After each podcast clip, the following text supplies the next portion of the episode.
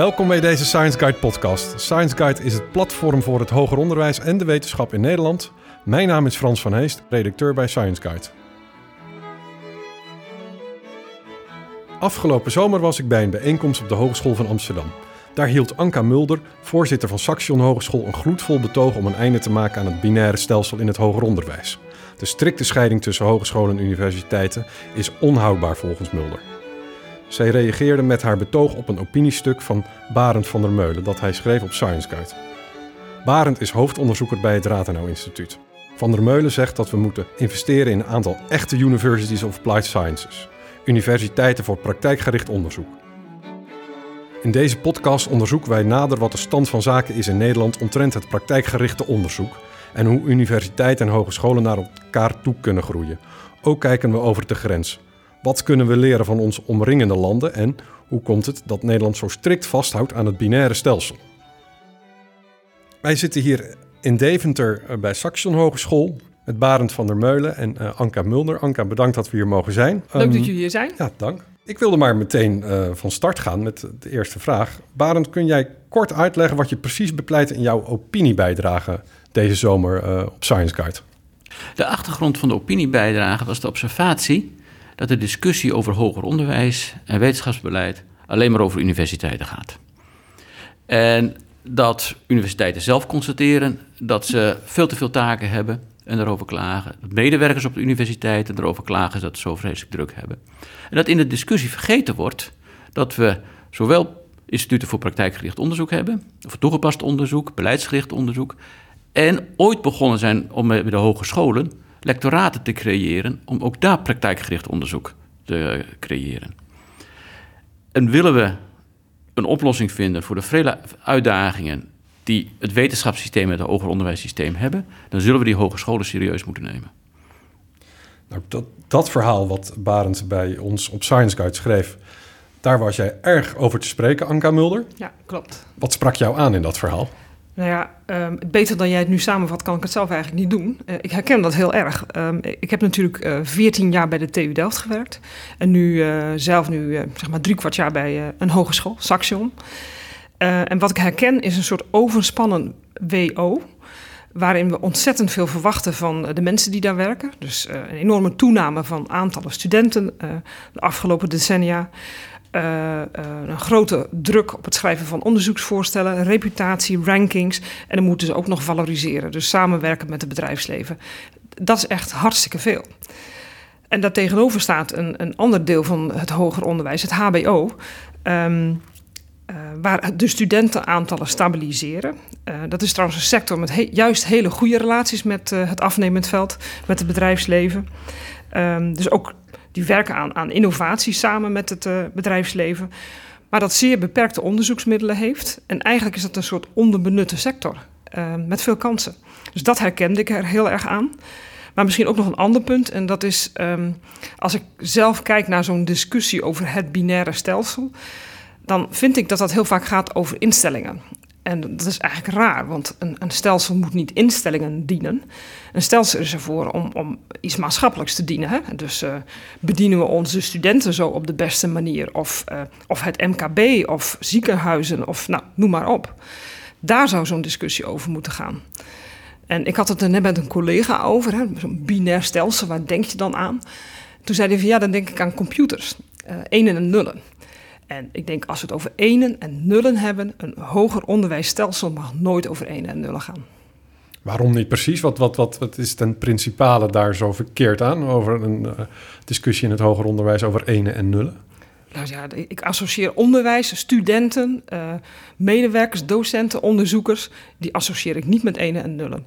En ik denk ook niet dat de maatschappij op een, uh, op een blauwdruk zit te wachten. Ik denk dat de maatschappij van ons kan verwachten, van ons allen, dat we nadenken over wat is nou goed? Wat is nou goed voor Nederland? Wat is nou goed voor een regio, voor een individuele student? En nou, daar, dat is waar zo'n stelseldiscussie over zou moeten gaan.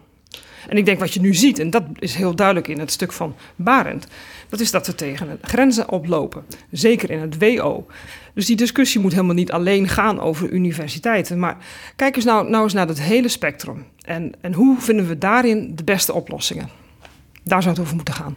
Ook in de hogescholen lopen jullie tegen uh, grenzen aan, maar dat moeten we straks. Ik zal je een voorbeeld geven van in de Tweede Kamer. Was ik op een gegeven moment uitgenodigd naar aanleiding van de strategische agenda hogescholen, hoger onderwijs.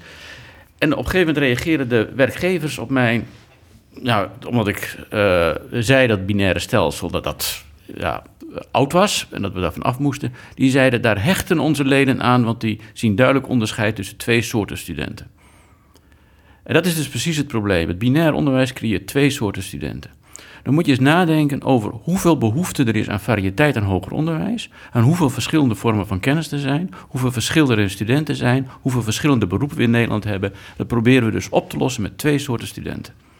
Maar dat zeggen de werknemers natuurlijk omdat ze hechten aan het civiel effect van een diploma. Uh... Omdat ze niet verder durven te kijken dan het diploma. En daar moet je als onderwijs niet in meegaan.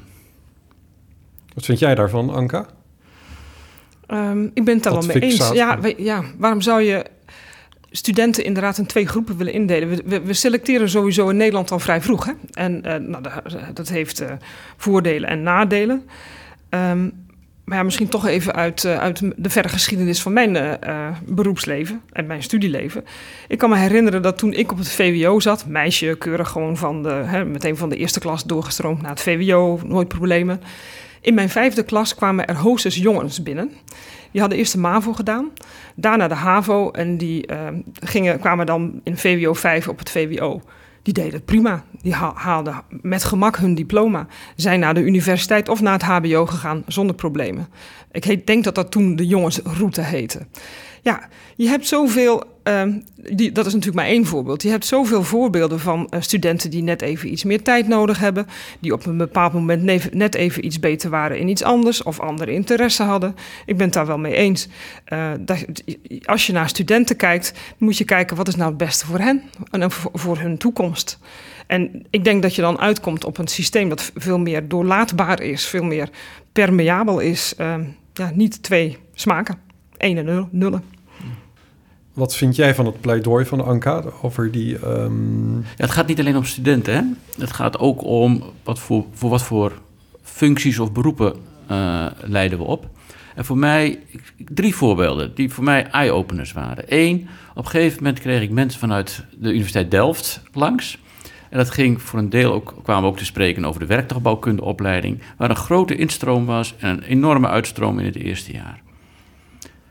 Dan heb je dus over studenten die bewust kiezen voor werktuigbouwkunde. Die, komen, die stroomden uit en die kwamen nergens terecht. Want die hadden een meer toegepaste opleiding verwacht, meer gericht op de werktuigbouwkunde praktijk. En die gingen niet naar het hogeschool toe en die bleven niet op de universiteit. In een situatie waarin de arbeidsmarkt vroeg om meer technische studenten. Dus daar nam de universiteit geen verantwoordelijkheid voor. Dus die vielen letterlijk tussen het wallen en het schip van het hoger onderwijs en de universiteiten. Ik was recent zat ik in een evaluatiecommissie en er kwam een hoogleraar, nee, een lector maritieme technologie langs. En die vertelde wat hij deed met zijn studenten en hoe hij de maritieme uh, industrie in Noord-Nederland ondersteunde met zijn studenten. En de manier waarop hij vertelde wat hij deed, dat herinnerde mij aan een hoogleraar maritieme technologie die ik in de begin jaren negentig interviewde. En die mij zei na de afloop van het interview: Ik heb je nu verteld hoe ik mijn onderzoek doe en mijn functie invul. En na mij wordt dat niet meer opgevuld. Want dat vinden ze niet meer wetenschappelijk genoeg. Terwijl ik vind dat ik er voor het onderwijs ben. Dus je ziet dat langzaam de hogescholen in staat zouden kunnen zijn om die kennisfunctie, die technische universiteit, om goede redenen, want er is een enorme ontwikkeling in de technische wetenschappen plaatsgevonden, die hebben laten liggen. Er is een enorme ruimte voor hogescholen om dat op te pakken. Laatste voorbeeld, verpleegkunde. Verpleegkunde wordt in Nederland over gesproken over verpleegkundigen als handen aan het bed. Dat is volstrekt bezijden de enorme groei van het aantal taken en functies dat verpleegkundigen, en zeker die van de hogescholen komen, hebben gekregen. In heel veel buitenlanden heet dat nursing sciences en wordt het op de universiteit onderwezen. En voor de hogescholen, die zitten dus eigenlijk voor het dilemma: gaan wij de ouderwetse verpleegkundige opleiden of gaan wij de nursing scientist opleiden? Ze moeten dat laatste doen natuurlijk. Ze zouden dat laatste moeten doen. Maar dat betekent dat ze daar de middelen voor moeten krijgen en ook gefinancierd moeten worden en de, de ruimte moeten krijgen om academische nursing science opleidingen te creëren. Ja, hoe kijk jij daar naar, Anka? Is niet, jij bent natuurlijk hiervoor uh, lang ook bestuurder geweest bij de TU Delft. Um, nu terug, terugredenerend zou je, en je nu hier bij Saxion zit, ook niet denken van... als ik dat nu geweten had als universiteitsbestuurder... met die kennis die ik nu hier bij Saxion heb opgedaan... dan had ik wel iets anders kunnen creëren voor onze studenten ook. Om ehm, ja, dat, die, harde, die harde knip in het binaire stelsel te kunnen doorbreken. Dat vind ik een moeilijke vraag. Uh, ik denk, ik heb nooit... Uh negatief gestaan ten, opzichte van samenwerking met hogescholen. Uh, sterker nog, ook in Delft heb, heb ik daar met uh, de hogescholen daar ook geprobeerd uh, dat op te zetten. En ik merk, om eerlijk te zijn, dat het hier in Oost-Nederland toch makkelijker is. Ik, ik, heb hier betere ervaringen met, met hele nauwe banden met de UT, de Universiteit Twente dus, maar ook met bijvoorbeeld het ROC van Twente of Aventus hier in, in Deventer. Uh, die lijnen op de een of andere manier zijn hier in Oost-Nederland uh, korter. Ja. En hoe zou dat komen eigenlijk? Is dat gewoon ja. historisch zo gegroeid en was dat een soort van warm bad waar je in terecht... Veel dingen aan deze kant van de IJssel zijn beter hoor. Zegt Barend die uit Enschede komt uh, voor de luisteraars. Nou, ik weet niet wat de oorzaak of dat, wat de achterliggende reden ervan is. Uh, maar ik merk wel dat ik dat heel prettig vind. En uh, als ik dan bijvoorbeeld kijk, om een stapje over te zetten naar het onderzoek. Ik zie gewoon dat er hele korte lijnen zijn tussen de Universiteit Twente en uh, ons technisch onderzoek, onze lectoraten op het gebied van de techniek. Dat die elkaar vrij makkelijk vinden. Dat er een hele positieve houding is uh, ten opzichte van elkaar. Praktisch lukt het natuurlijk lang niet altijd om uh, met elkaar samen te werken. maar die houding is heel open. En nu, ook, nu kan je in het kader van de NWA gezamenlijke voorstellen schrijven. En dat doen we ook plenty. Ja. Met de NWA bedoel je de Nationale Wetenschapsagenda. Kun je dat punt nog even iets duidelijker maken, wat je daar precies mee bedoelde? Ja, nou dat gaat uh, over uh, onderzoeksvoorstellen indienen. Uh, onderzoek dat, dat een duidelijke maatschappelijke oriëntatie heeft. En een van de voorwaarden om ze te kunnen indienen is dat je dat niet alleen als universiteit doet, of, of maar dat je dat doet in samenwerking met partners, waaronder hogescholen. En uh, ik, ik, moet zeggen, uh, het is nog even afwachten wat de resultaten zullen zijn, ook voor ons. Maar uh, vooralsnog zijn wij platgebeld door universiteiten om mee te doen aan die onderzoeksvoorstellen. Nou, dat vind ik al heel erg goed. Is dus een instrument dat, waarin je voor het eerst blijkbaar gewoon heel veel samenwerkt. En een tweede is uh, dat wij de volgende keer ook zeker zullen gaan proberen om een voorstel te schrijven waar Saxion zelf in de lead is. En uh, ik weet gewoon van uh, onze vrienden van de Universiteit Twente dat ze daar 100% open voor staan. Oké, okay, helder. Um, dus die NWA, die doorbreekt dat binaire stelsel eigenlijk. Uh, van dat zou al een soort van blauwdruk kunnen zijn van waar ja. we naartoe moeten met het uh, nieuwe stelsel. Maar toch even, uh, we zitten nog in die strikte scheiding tussen HBO en WO. Ook wet technisch en de wet op het hoger onderwijs. Um, zou jij iets kunnen uitleggen, Barend, hoe dat zo historisch gegroeid is, die strikte scheiding tussen. en waarom Nederland daar zo moeilijk van af lijkt te kunnen komen? Het, eh, ja, de, hele ontwikkeling van het hoger onderwijs zie je eigenlijk dat er een langzame verschuiving is van beroepsgerichte opleidingen naar wetenschappelijke opleidingen. Dus de geschiedenis van het hoger onderwijs kan je bijna schrijven als een veracademisering van beroepsgerichte opleidingen. En de laatste stap is natuurlijk gezet dat de, wat vroeger de technische universiteit, de technische hogescholen waren, de landbouwhogeschool, die hadden wel een academische status, maar mochten zich toen ook universiteit noemen. En dat, dat was ook op goede redenen. We zien dat de medische opleidingen zijn verwetenschappelijk in de zin dat de onderzoekscomponent daar veel sterker is geworden. Maar nog steeds via de universiteit beroepsopleidingen. Dus de hele rechtenopleiding, de tandartsopleiding. Dat zijn bestuurskunde. Typisch, bestuurskunde. Dat zijn typisch echt beroepsgerichte opleidingen. En, en dat is eigenlijk stopgezet op een gegeven moment, toen er zo'n duidelijke scheiding tussen hogescholen en wetenschappelijk onderwijs werd gekomen. Dus het creëren van de hogescholen, dat zou je kunnen zeggen, is een nieuwe mogelijkheid om een aantal nieuwe stappen te zetten richting. Je zou het academisering kunnen noemen of wetenschappelijk. Ik denk dat academisering een verkeerde term is dan, maar wel het onderzoeksintensiever maken van opleidingen die dat nodig hebben. Academisering suggereert dat ze universiteitje moeten spelen, heet dat dan. En dat hoeft niet. Ze hoeven voor mij niet in toga's te gaan lopen. Ze hoeven geen baretten op te doen. Ze hoeven, dat is uh, uiterlijk vertoon dat niet de essentie raakt van waar het om gaat. Namelijk dat er een aantal opleidingen zijn, een aantal beroepen, die vroeger beroepsopleidingen waren, waarmee je met gewoon alleen maar kennisoverdracht de beroepsinhoud uh, uh, kon overdragen en een beroepsproces profiel kon geven. Waarvan je nu een onderzoeks- en kennisintensieve en een innovatiegerichte houding voor nodig hebt. En competenties die je moet aanleren door in aanraking te komen met onderzoek. Ja, helder. Um, nou ja, het werd zo al genoemd, het universiteitje spelen. Dat wordt vaak als dooddoener gebracht in de discussie over het binaire stelsel. Hoe kijk jij daar tegenaan, uh, Anka Mulder? Ja, ik kan dat eigenlijk niet meer horen, die uitdrukking. Uh, want daar gaat het ook helemaal niet om. Uh, waar het over gaat is dat je kijkt naar hoger onderwijs en hoe, hoe, wat, hoe doe je daar nu de juiste dingen in? Ik, uh, zou van Saxion ook helemaal niet willen zeggen dat hij uh, de, de, Universiteit Twente wil nadoen of zoiets dergelijks. Want wat ik in de realiteit zie, is dat er gewoon verschillende speerpunten zijn. Misschien een heel concreet voorbeeld. Uh, er wordt kennis ontwikkeld aan de UT. En op een gegeven moment uh, uh, is die kennis ontwikkeld en daar stopt het dan mee. Want hoogleraren of onderzoekers uh, van de Universiteit Twente hebben minder goede relaties met het MKB in de regio. Hebben trouwens ook niet de tijd om daar nog verder mee te gaan. En het is niet hun expertise. Die willen heel graag met, de, met Saxion samenwerken. Maar wij lectoren hebben zitten die net op een ander niveau, een, een, een praktischer niveau, een meer toegepast niveau, iets kunnen doen met die kennis. En nou, als je dan kijkt naar mechatronica bijvoorbeeld, of materialen, um, of IT, allemaal hartstikke relevant voor deze regio Oost-Nederland. Uh, en bedrijven willen daar, daar graag in samenwerken. Dus het gaat niet om rollen spelen of het anders doen dan je bent. Het gaat erom dat je gebruik maakt van elkaars kracht. Oké, helder. Um, ik wil nu eigenlijk doorgaan naar een beetje het volgende punt, naar de toekomst. Wat moet er gebeuren om dat binaire stelsel open te breken. En dan is er natuurlijk altijd een groot sturingselement wat er is in het stelsel. En dat is geld. Anka, kun jij misschien uitleggen hoeveel geld, onderzoeksgeld de hogeschool krijgt op dit moment? Nou, ik heb daar al iets over gezegd in mijn speech toen in, um, voor, um, bij de Hogeschool van Amsterdam. Het is iets van 3% van onze totale begroting. Dus dat is echt heel erg laag.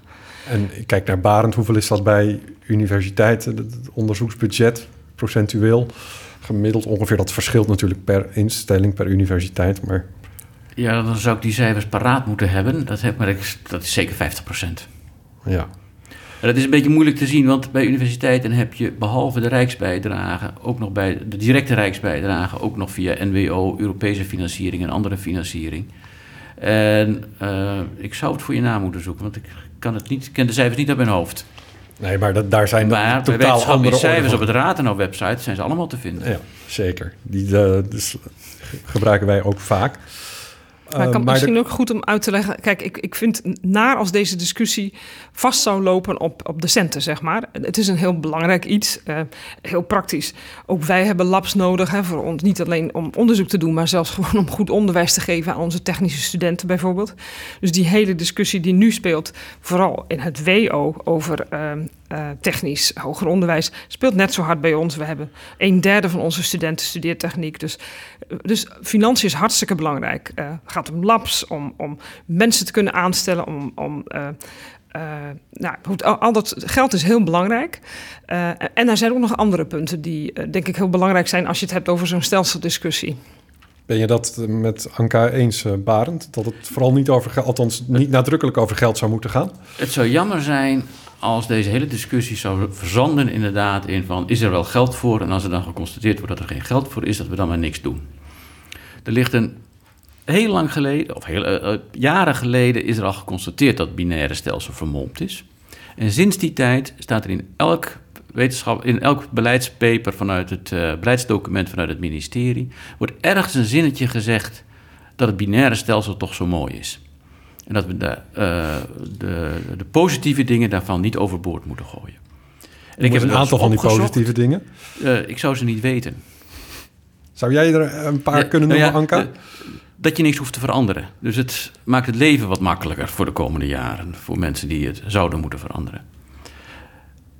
Er is, er is geen reden om het. Maar je ziet gewoon dat er in het hele situatie. Er zijn hele simpele dingen. Je, je zou alleen al kunnen beginnen met te erkennen dat er diversiteit is binnen de universiteiten, dat er diversiteit is binnen de hogescholen, dat er diversiteit is tussen universiteiten, is natuurlijk heel pijnlijk, want het zijn er maar dertien en iedereen kan tellen. En dat is, tussen de hogescholen is het al veel makkelijker.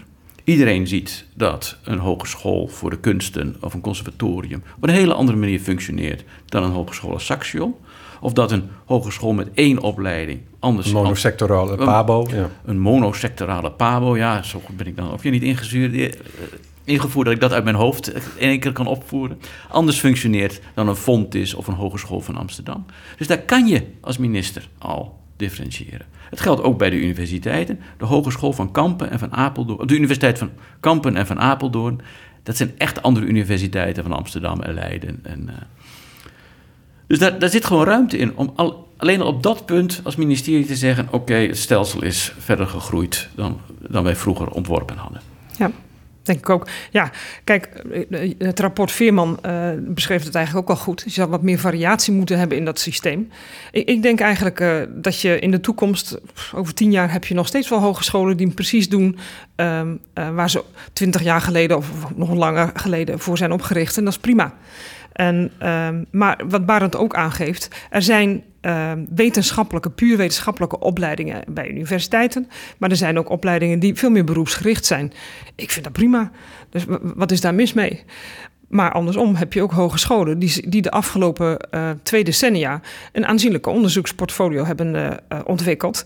En echt goed onderzoek. Nou, erken dat ook en, en zorg ervoor dat, of, of bied de ruimte dat die hogescholen zich kunnen doorontwikkelen tot echte Universities of Applied Sciences. En wij willen dat zeker doen als Saxion. Precies, dat is natuurlijk de volgende keuze die er ligt. Want dan moeten universiteiten ook wel iets anders gaan doen dan wat ze nu doen. Want de 13 universiteiten, hoe divers dat ze ook zijn, ze lijken meer op elkaar dan de verschillende hogescholen. En um, zouden ze ook wel echt die keuze durven maken om meer onderwijsintensief te worden in plaats van uh, onderzoeksintensief? Ook in het kader van de rankings, internationale rankings. Die kijken natuurlijk met name alleen naar die onderzoekstak.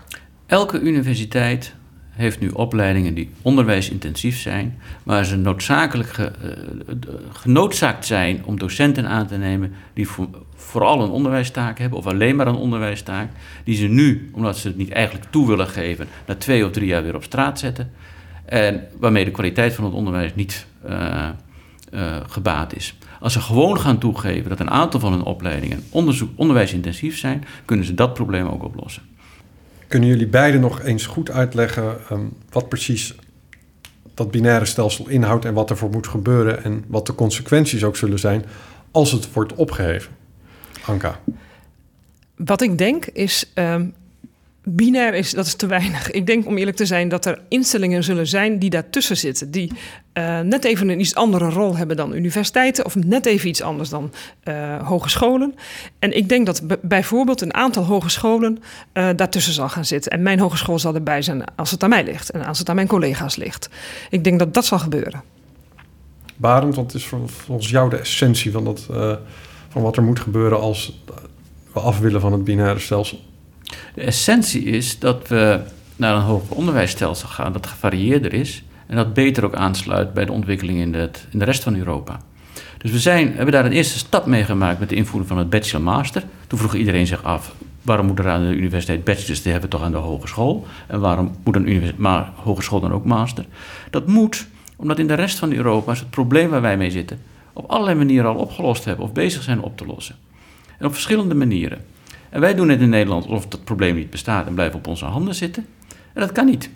In, in Engeland hebben ze vrij rigoureus het, gewoon het onderscheid opgeheven en gezegd van er zijn alleen maar universiteiten. En in Engeland zijn ze best in staat om een verschil te zien tussen een University of Cambridge, of, of uh, uh, hoe het daar ook heet, en de Cambridge University.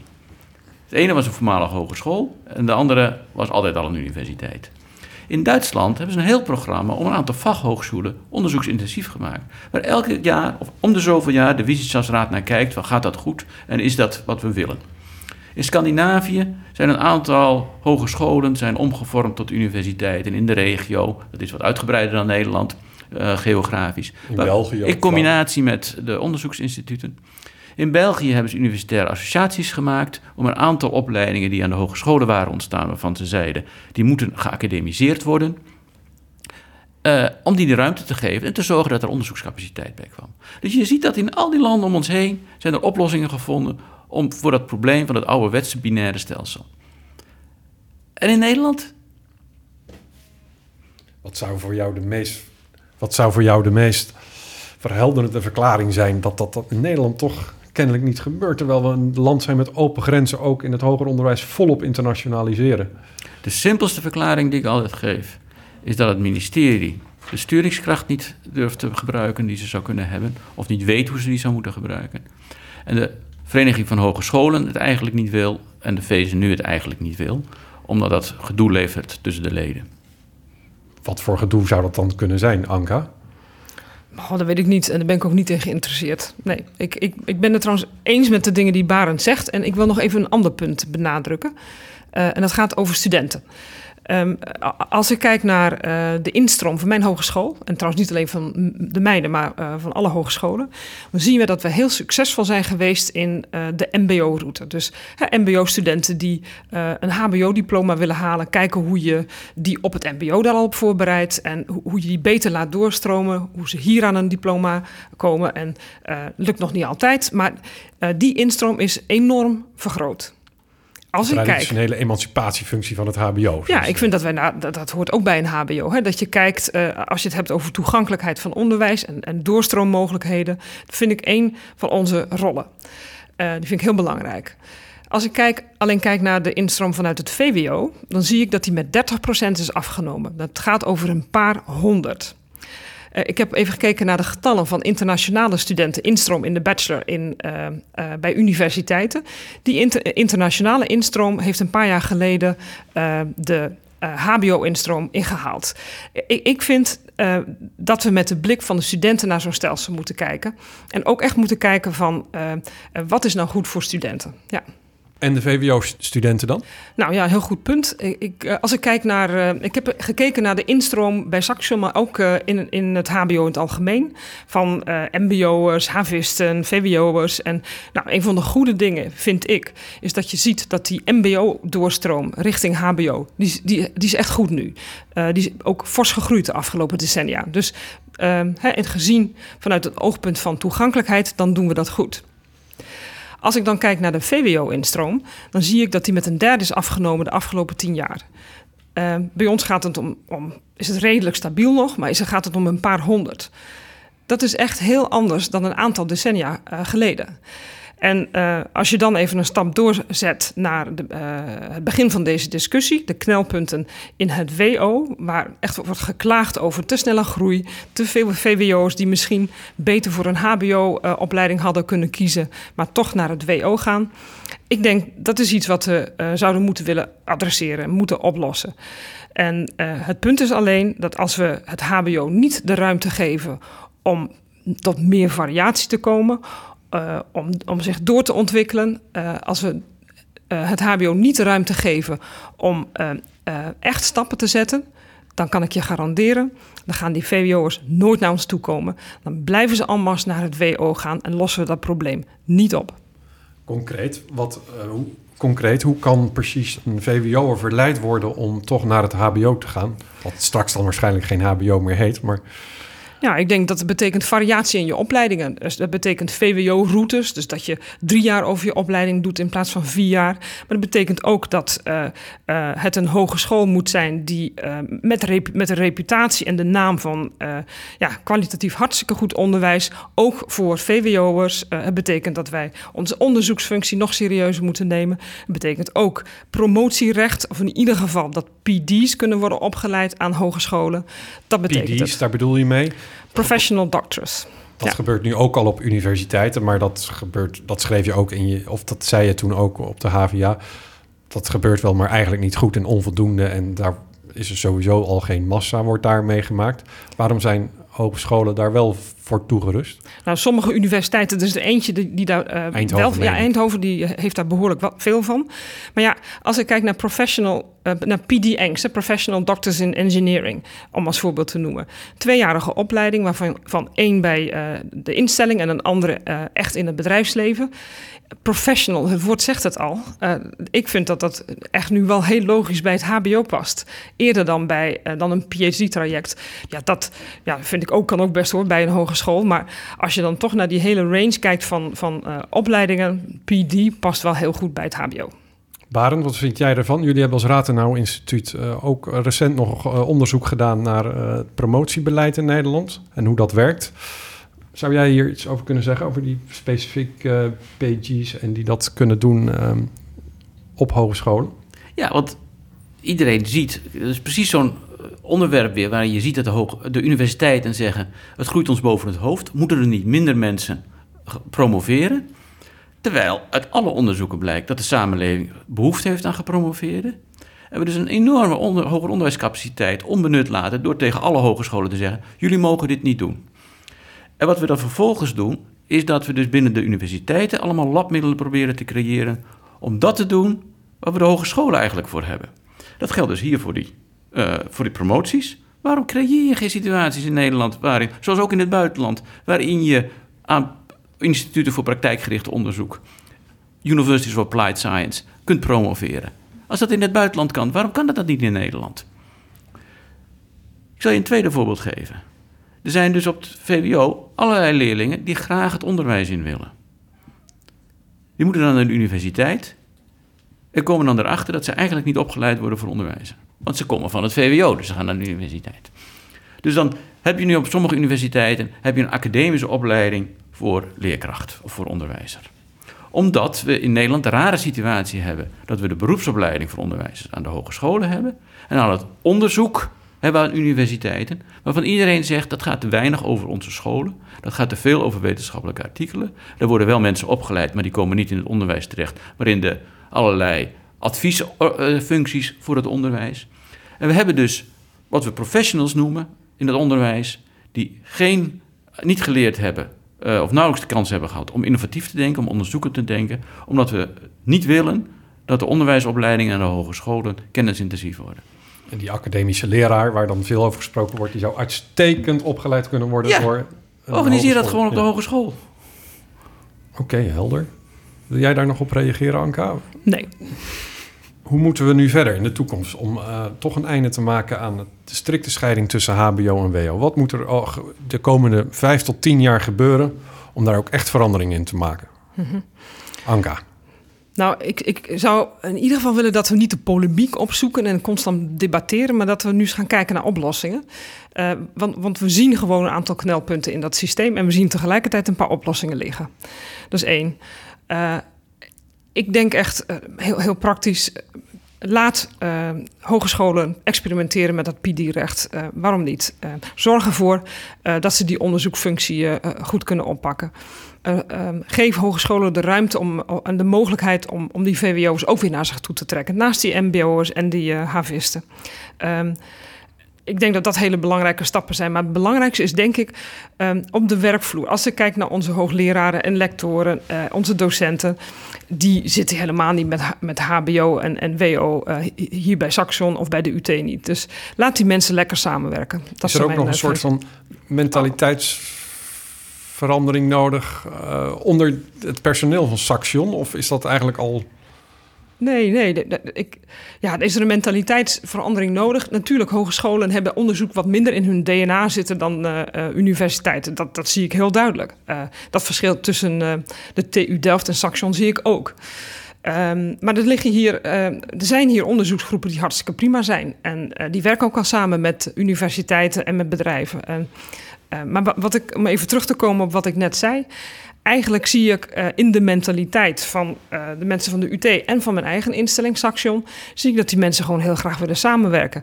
Nou, laten we ze dan de ruimte geven. Die barrières moeten letterlijk weg om samen te werken. Precies. Barend, wat is volgens jou nodig de komende vijf, tien jaar om dat stelsel zoals we dat nu kennen toch meer open te breken? Ik denk dat in de komende strategische agenda hoger onderwijs de minister en ook de Tweede Kamer moeten erkennen dat het probleem dat er ligt en dat het echt een probleem is, dat binaire stelsel. En nog steeds is dat het opgelost moet worden. Dat dat een aantal knelpunten veroorzaakt die verandering nodig heeft, hebben. Dat, er, dat je die ook op een aantal punten gewoon kunt aanwijzen waar er echt knelpunten zijn. Ik heb een paar keer voorbeelden genoemd. De onderwijskunde, de verpleegkunde, de uh, verpleegwetenschappen moet ik eigenlijk zeggen. Technische wetenschappen. Het zijn typisch van die vakgebieden waar je ziet dat de binaire stelsel knelt. Waar er heel veel mogelijkheden zitten om nieuwe eh, mogelijkheden te creëren voor praktijkgericht onderzoek aan de hogescholen. Ga ermee aan de slag. En daarnaast kan je gewoon binnen het stelsel, zoals het er nu is, al erkennen dat er variaties zijn en daar al rekening mee houden. Dus er zijn een aantal, ook in de bekostiging van het hoger onderwijs, daar zie je dat er nu gedacht wordt dat er maar twee soorten opleidingen zijn. Dat is niet zo. Dus er zitten een aantal van die onderwerpen die zoveel makkelijker op te lossen zijn als je iets meer diversiteit accepteert. Oké, dank. Helder. En de echte toekomst is natuurlijk dat de VZNU en de Vereniging Hogescholen fuseren. Mooi. Dat lijkt me een mooie afsluiting voor deze podcast. Daarmee zijn we natuurlijk ook meteen aangekomen bij het einde van deze Science Guide podcast over het binaire stelsel in het hoger onderwijs. Anka Mulder en Barend van der Meulen, wij zijn blij dat jullie voor ons tijd hebben vrijgemaakt en jullie expertise met ons wilden delen, ook met de luisteraars. Voor de luisteraars willen jullie op de hoogte blijven van alle ontwikkelingen in het hoger onderwijs. Ga dan naar scienceguide.nl en meld je bijvoorbeeld aan voor onze wekelijkse nieuwsbrief. Ik ben Frans van Heest. Bedankt voor het luisteren en tot de volgende keer.